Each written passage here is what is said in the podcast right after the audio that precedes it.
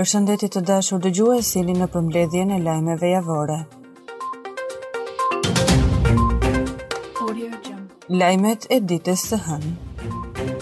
Kryetari i Partisë Demokratike Lulzim Basha mori pjesë në Asamblenë e Partive Popullore Europiane Grupimi i Partive Popullore Europiane e ka mbështetur Partinë Demokratike dhe Lulzim Bashën edhe më herët gjatë fushatës për zgjedhjet e 25 prillit në Shqipëri. Audio Jungle. Përfaqësues të specializantëve të mjekësisë kanë protestuar përpara Universitetit të Mjekësisë në lidhje me ndërprerjen e kontratave të punës nga Ministria e Shëndetësisë. Sipas specializantëve në rregulloren për këtë kategori, Në asnjë pikë nuk ndalohet që ata të punojnë paralelisht. Deputetja e zgjedhur e Partisë Demokratike Ina Zhupa ka denoncuar dhënien e 55000 metra katror tokë në bregdetin Hamallaj. Ajo shprehet se personat që kanë marrë pronën janë klientë të kryeministrit Edi Rama dhe që janë shoqëria Sviluppo Mare një SHPK. me pronar Redi Pezën dhe SND Invest SHA me pronar Gentian Sulën. Sipas Zhupës, çmimi i vendosur për shitjen është disa herë më i ulët se çmimi i tregut në atë zonë bregdetare, rreth 1100 lekë për metër katror. Dhoma Amerikane e Tregtisë në Shqipëri publikoi sot agjendën e investimeve 2021, një paketë me 40 rekomandime drejtuar qeverisë dhe parlamentit të ri me synim përmirësimin e shpejtë të klimës së biznesit. Ndër të tjera, strategjia duhet të identifikojë sektorët prioritarë dhe të krijojë iniciativa për zhvillimin e tyre pa procedura burokratike. Duke u referuar ngjarjeve të fundit ku gjatë një konflikti për parcelat në plazh humbën jetën katër persona pas vrasjes me armë zjarri, ministri i Punëve të Brendshme Blendi Çuçi tha se policia nuk ndan parcela plazhi, por ruan zbatimin e ligjit aty për mosprekjen e plazheve publike dhe ndërtimet pa leje. Po ashtu ministri tha se do të ketë ndryshime në komisariate e drejtori të policisë. Pas deklaratës së ministrit të Brendshëm ka reaguar Selia Blu, Enkelejd Alibeaj në një deklaratë për shtyp ka thënë se ministri i Brendshëm në deklaratën e tij thjesht lante duart me kapitullimin e rendit dhe sigurisë në vend. Ministrja e Shëndetësisë dhe Mbrojtjes Sociale dhe kryeministri Edi Rama kanë inspektuar hapjen e laboratorit të ri të maternitetit Koço Glozheni në Tiranë. Ky maternitet i është nënshtruar së fundmi një transformimi të plotë me qëllim rritjen e standardeve më të mira për nënat e reja dhe të porsalindurit. Në plazhin e Shëngjinit u gjet një trup i pajetë. Banorët njoftuan policinë e shtetit pasi kanë ndjerë erën e keqe të kufomës. Policia e ardhur menjëherë në vendin ku ndodhej trupi i pajetë ka nisur nga identifikimi i personit të vdekur. Mësohet se viktima është një shtetas rus me emrin Eduard Nikshan. Dyshohet se shkaku i vdekjes mund të ketë ardhur nga përdorimi i pijeve alkoolike dhe substancave të tjera, pasi në trupin e tij nuk janë gjetur shenja dhune.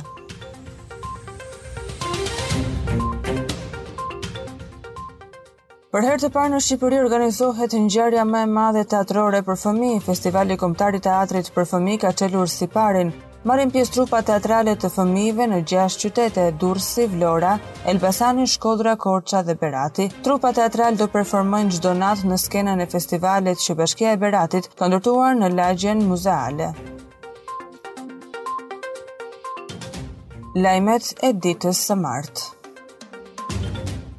Komisioni Qendror i Zgjedhjeve ka shtyrë seancën për dhënien e vendimit për kryebashkiakun e Mallakastrës, Qerim Ismailaj.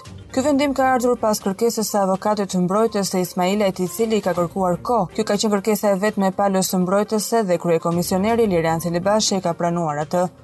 Seanca e radhës do të mbahet të premten në orën 11.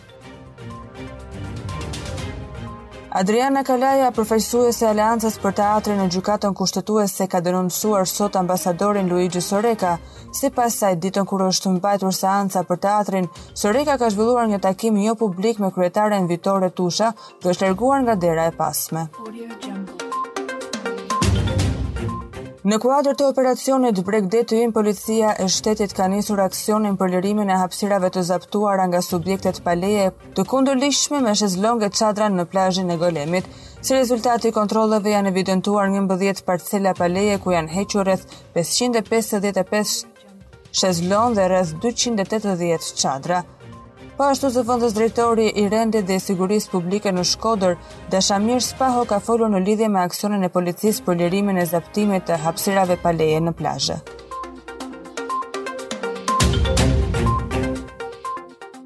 Efektivë të policisë së Lezhës kallëzuan në prokurori kryebashkiakun Pjerin Ndreu sepse sipas tyre ai ka ndaluar të shoqërojnë biznesmenin Vladimir Gjekaj.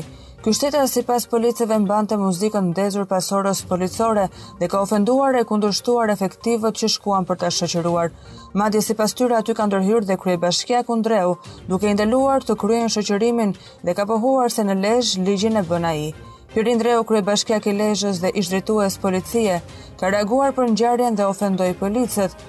Ai i quan uniformat blu, barkdera dhe të fryrë nga birra. Jehon Breçani, djali 19 vjeç i ish-drejtorit të policisë Erzen Breçani, i cili aksidentoi një 23 vjeçare duke i këputur këmbën ditën e premte, është vendosur nga organi i akuzës që të lirohet nga qelia duke i lënë masën e sigurisë arrest shtëpie. Sot burime nga prokuroria e Tiranës bëjnë me dije se organi i akuzës në kryeqytet ka kërkuar që 19 vjeçari të rikthehet në burg.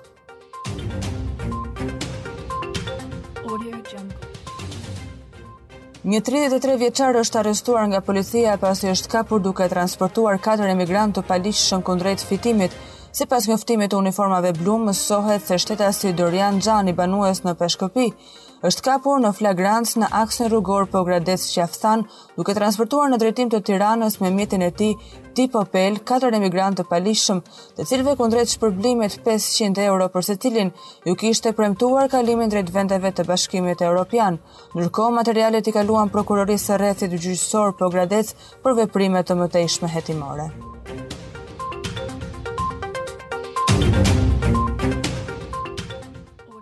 Lajmet e ditës së mërkurë.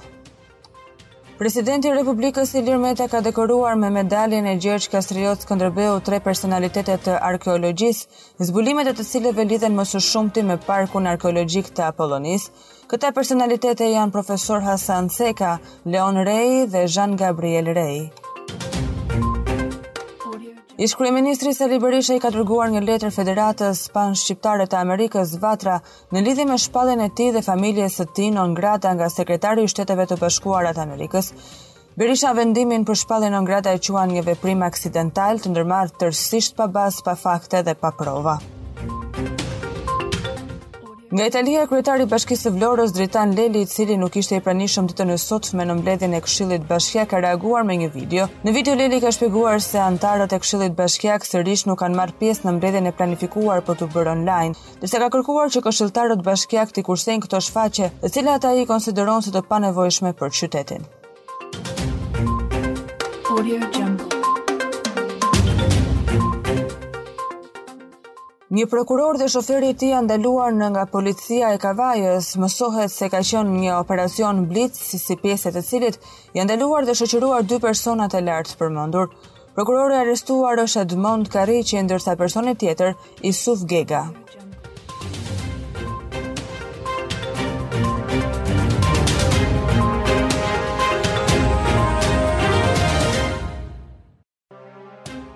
Shërbimi për çështjet e brendshme dhe ankesat ka pezulluar nga detyra dy punonjës policie. Bëhet me dije se është pezulluar nga detyra nënkomisari me iniciale GQ, Me detyrë shefi i seksionit për rendin dhe sigurinë publike në komisariatin e policisë Himarë dhe inspektori me iniciale KS në njësinë administrative Lukovë Himarë.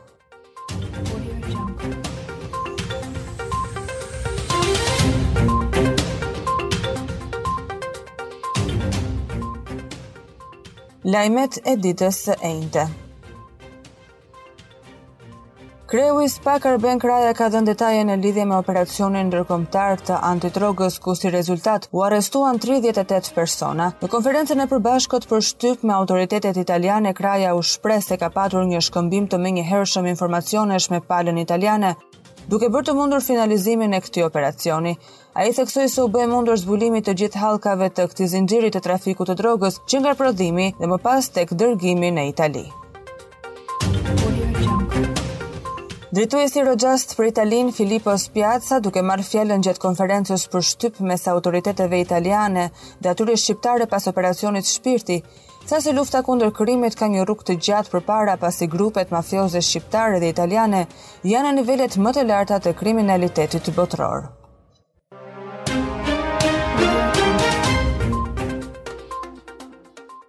Komisioni Qendror i Zgjedhjeve ka lënë në detyrë kreun e Bashkisë së Mallakastrës, Qerim Ismailajn, duke rrëzuar kërkesën e Partisë Demokratike për shkarkimin e tij për shkak të dënimit me mungesë në 3 vite burg në Greqi.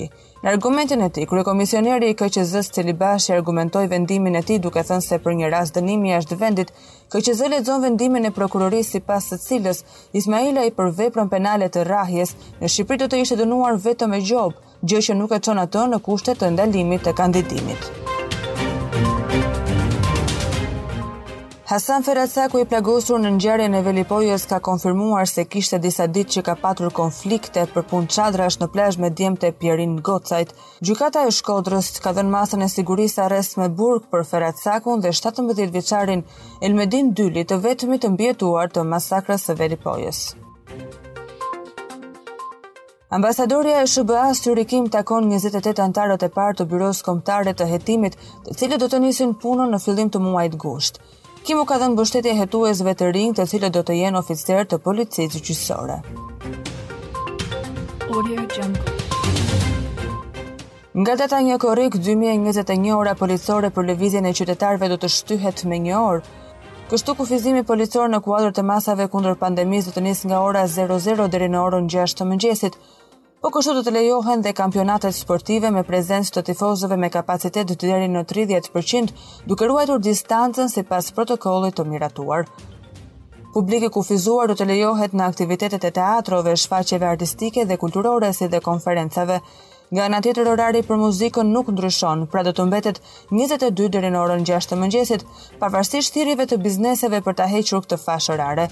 Ditët e fundit kanë shënuar një ulje të ndjeshme të numrit të të infektuarve, ku ditën e sotme ishin vetëm 7 të tillë dhe asnjë vdekje. Është shkatërruar një grup i mashtrimit kompjuterik, një 30 vjeçare është arrestuar si pjesë e një grupi të mashtrimit kompjuterik Ku përmes kartave bankare u merrte njerëzve të ndryshëm, të huaj dhe vendas 10% të shumës monetare për veprimet që ata kryenin.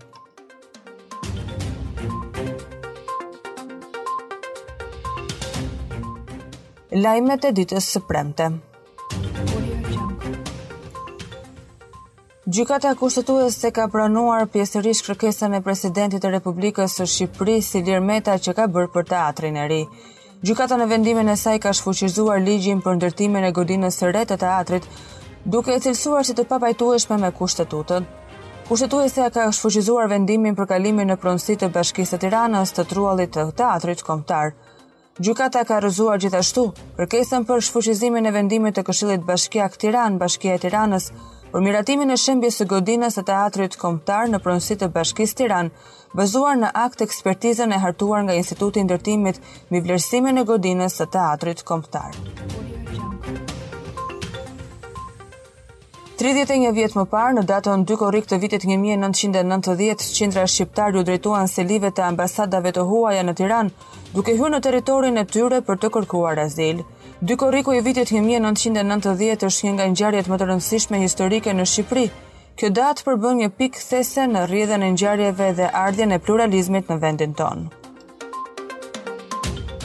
Integrimi rajonal dhe realizimi i reformave për integrimin europian janë prioritet i vendeve të Ballkanit Perëndimor. Këto kanë qenë deklaratat e kryeministrit Edi Rama nga samiti i Prespës, i cili prej dy ditësh po mbahet në Ohër. Kryetari i Partisë Demokratike Lulzim Basha ka reaguar ashpër pas samitit të liderëve të Ballkanit Perëndimor në Prespë të Maqedonisë së Veriut. Basha i quan liderat e Bashkimit Europian, ndër ta dhe kryeministrin Edi Rama, si autokratë të korruptuar të Ballkanit, të cilët fajësojnë Bashkimin Europian ndërsa japin goditje të tmerrshme demokracisë dhe sundimit të ligjit. Në samit pati tone kritike ndaj disa shteteve të Bashkimit Europian për bllokimin e negociatave për anëtarësimin për Shqipërinë dhe Maqedoninë e Veriut. Në një deklaratë për mediat nga qyteti i Shkodrës, ambasadori i Italisë në Shqipëri tha se ne kemi mbështetur që në fillim integrimin për çeljen e negociatave dhe do të vazhdojmë të bëjmë të njëjtën gjë. Megjithëse kjo është një çështje kohe, Pasi integrimi i Shqipërisë nuk është vetëm çështje e Shqipërisë, por çështje europiane, tha ndër të tjera ambasadori italian. Ministrja e Shëndetësisë dhe Mbrojtjes Sociale Ogerta Manastirliu ka ndjekur nga afër procesin e vaksinimit në Lushnje, ku ka bërë me dije se javën e ardhshme njësitë e lëvizshme të vaksinimit do nisin vaksinimin ndaj COVID-19 në terren, në territoret ku ende qytetarët nuk janë vaksinuar. Operacioni Bregdeti ynë ka vazhduar edhe gjatë ditës së sotme duke bërë të mundur lirimin e hapësirave të zaptuara pa leje në bregdet, ku ditën e sotme janë proceduar penalisht katër administratorë subjektesh në Durrës. Kontrollet u shtrinë në vijën bregdetare Përroi i Agait, Plepa dhe Ura e Dajlanit, u konstatua se këta persona kishin zënë hapësirën publike dhe kishin vendosur shezlone e çadra pa lejen e organeve kompetente. Lajmet e ditës së shtunë. Gjykata ka lënë në arrest shtëpie Luan Zylyftarin, Ilirjan Ballën, shef i Sektorit kundër trafiqeve në Policinë e Shtetit, Artur Krasniqin, punonjës i Policisë së Kavajës dhe Maksim Sotën, prokuror në Vlorë, ish-kandidat për në Prokurorinë e Posaçme. Ky operacion antidrogë u realizua njëkohësisht në katër shtete, u finalizua të premten me njëzet e tetë të arrestuar, mes të cilëve një prokuror, një drejtor dhe tre ish-zyrtarë të lartë të Policisë shqiptare. Arrestimet janë bërë në Itali, Shqipëri, Mal të Zi dhe Spanjë. Hetimet për këtë operacion janë bërë nga muaji maj dy mijë e nëntëmbëdhjetë deri në janar dy mijë e njëzet e një, që kanë bërë të mundur të mblidhen të dhëna të rëndësishme ndaj tridhjetë e tetë shtetasve shqiptarë, tridhjetë e tetë ishin urdhër-arreste të lëshuara nga SPAK, dhjetë të ekzekutuara në dy mijë e njëzetën, ndërkohë që njëzet e tetë të tjerë janë ekzekutuar disa ditë më parë. Deputetja e Partisë Demokratike Albana Vokshi ka bërë thirrje SPAK-ut që të arrestojë kreun e Bashkisë së Tiranës, Erion Veliaj pasi sipas saj vendimi i djeshëm i Gjykatës Kushtetuese vërtetoi se prishja e Teatrit Kombëtar ishte i paligjshëm. Sot është më e qartë se kurrë se pikërisht në mungesë të Kushtetueses, regjimi ndërmori një revansh të ashpër ndaj shtetit të së drejtës, Ky revansh është edhe një nga arsyet e krizës politike që prej vitesh regjimi ky që ka nxitur në jetën e vendit dhe që masakra zgjedhore e njëzet e pesë prillit nuk zgjidhi dot. Shpallja antikushtetuese e ligjit për ndërtimin e teatrit me PPP që braktiste pronën publike dhe vendimi për kalimin e teatrit nga Ministria e Kulturës tek Bashkia bën nul çdo vendimmarrje të Këshillit Bashkiak dhe Erion Veliajt mbi një pronë që nuk u takon. Ky vendim është i paligjshëm, tha ndër të tjera deputetja e Partisë Demokratike Albana Vokshi.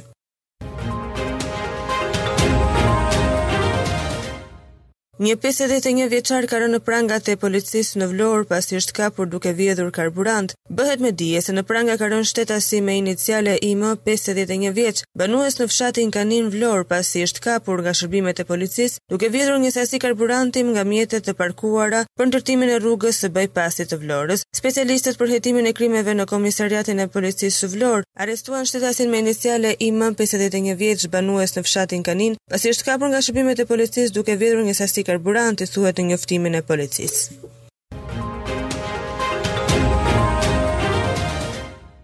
Ish shoqëruesi i ish ministrit të Brendshëm 45 vjeçari Agustin Deda, ndaj të cilit gjykata ka caktuar masën arrest me burg për veprat e penale të ngritura nga SPAK, trafikimi i narkotikeve në bashkëpunim në kuadër të grupit të strukturuar kriminal, pastrimi i produkteve të veprës penale dhe i veprimtarisë kriminale, grupi i strukturuar kriminal, Kryerja e veprave penale nga organizata kriminale dhe grupi i strukturuar kriminal ka hedhur poshtë akuzat e ngritura nga spak duke thënë se nuk ndodhet prej tre vitesh në Shqipëri, por se do të kthehet dhe do të dorëzohet para drejtësisë shqiptare për të sqaruar gjithë të vërtetën. Unë nuk ndodhem në Shqipëri prej tre vitesh, jam i shokuar nga akuzat që spak ka ngritur ndaj meje. Unë jam një familjar i rregullt dhe do të kthehem për t'u përballur me drejtësinë, ka thënë ish-shoqëruesi i ish-ministrit të Brendshëm, Saimir Tahiri.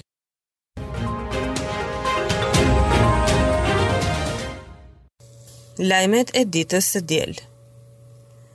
Katër anëtarë të një familje nga Lezha kanë mbetur të plagosur si pasojë e një shpërthimi të një bombole gazi në hotel në Velipojë. Ngjarja ka ndodhur rreth orës 6 të mëngjesit të së dielës dhe të lënduar mbetën Alketa Gjoka 40 vjeçe dhe fëmijët e saj, Daniela 19 vjeçe, Klarisa 15 vjeçe dhe Enriko 12 vjeç. Të katër të plagosurit u dërguan fillimisht në Spitalin Rajonal të Shkodrës, por nisur nga gjendja e rëndë, u nisën më pas me helikopter në pavionin e djegieve në QSUT.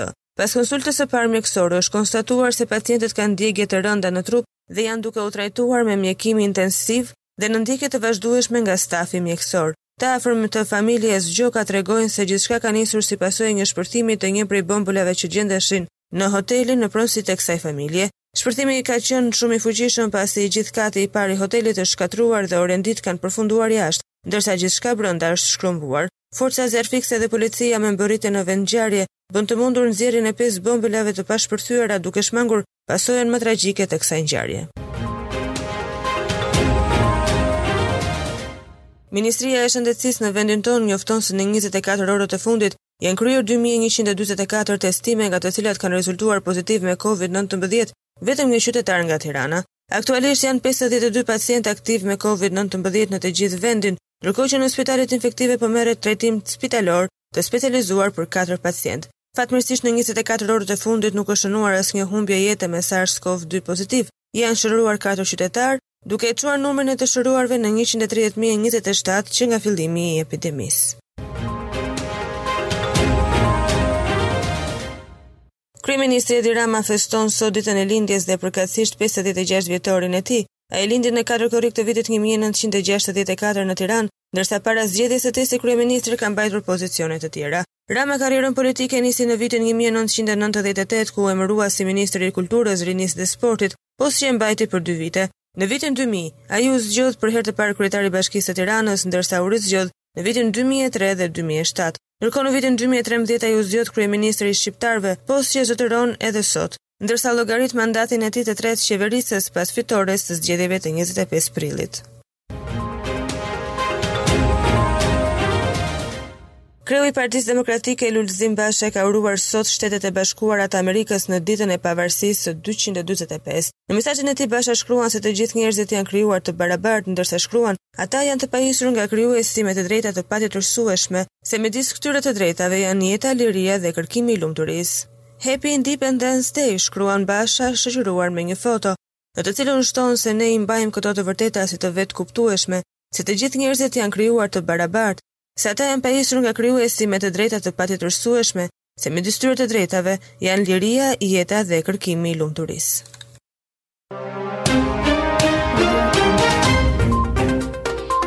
Përshëndetje të dashur dëgjues, jeni në përmbledhjen e lajmeve javore.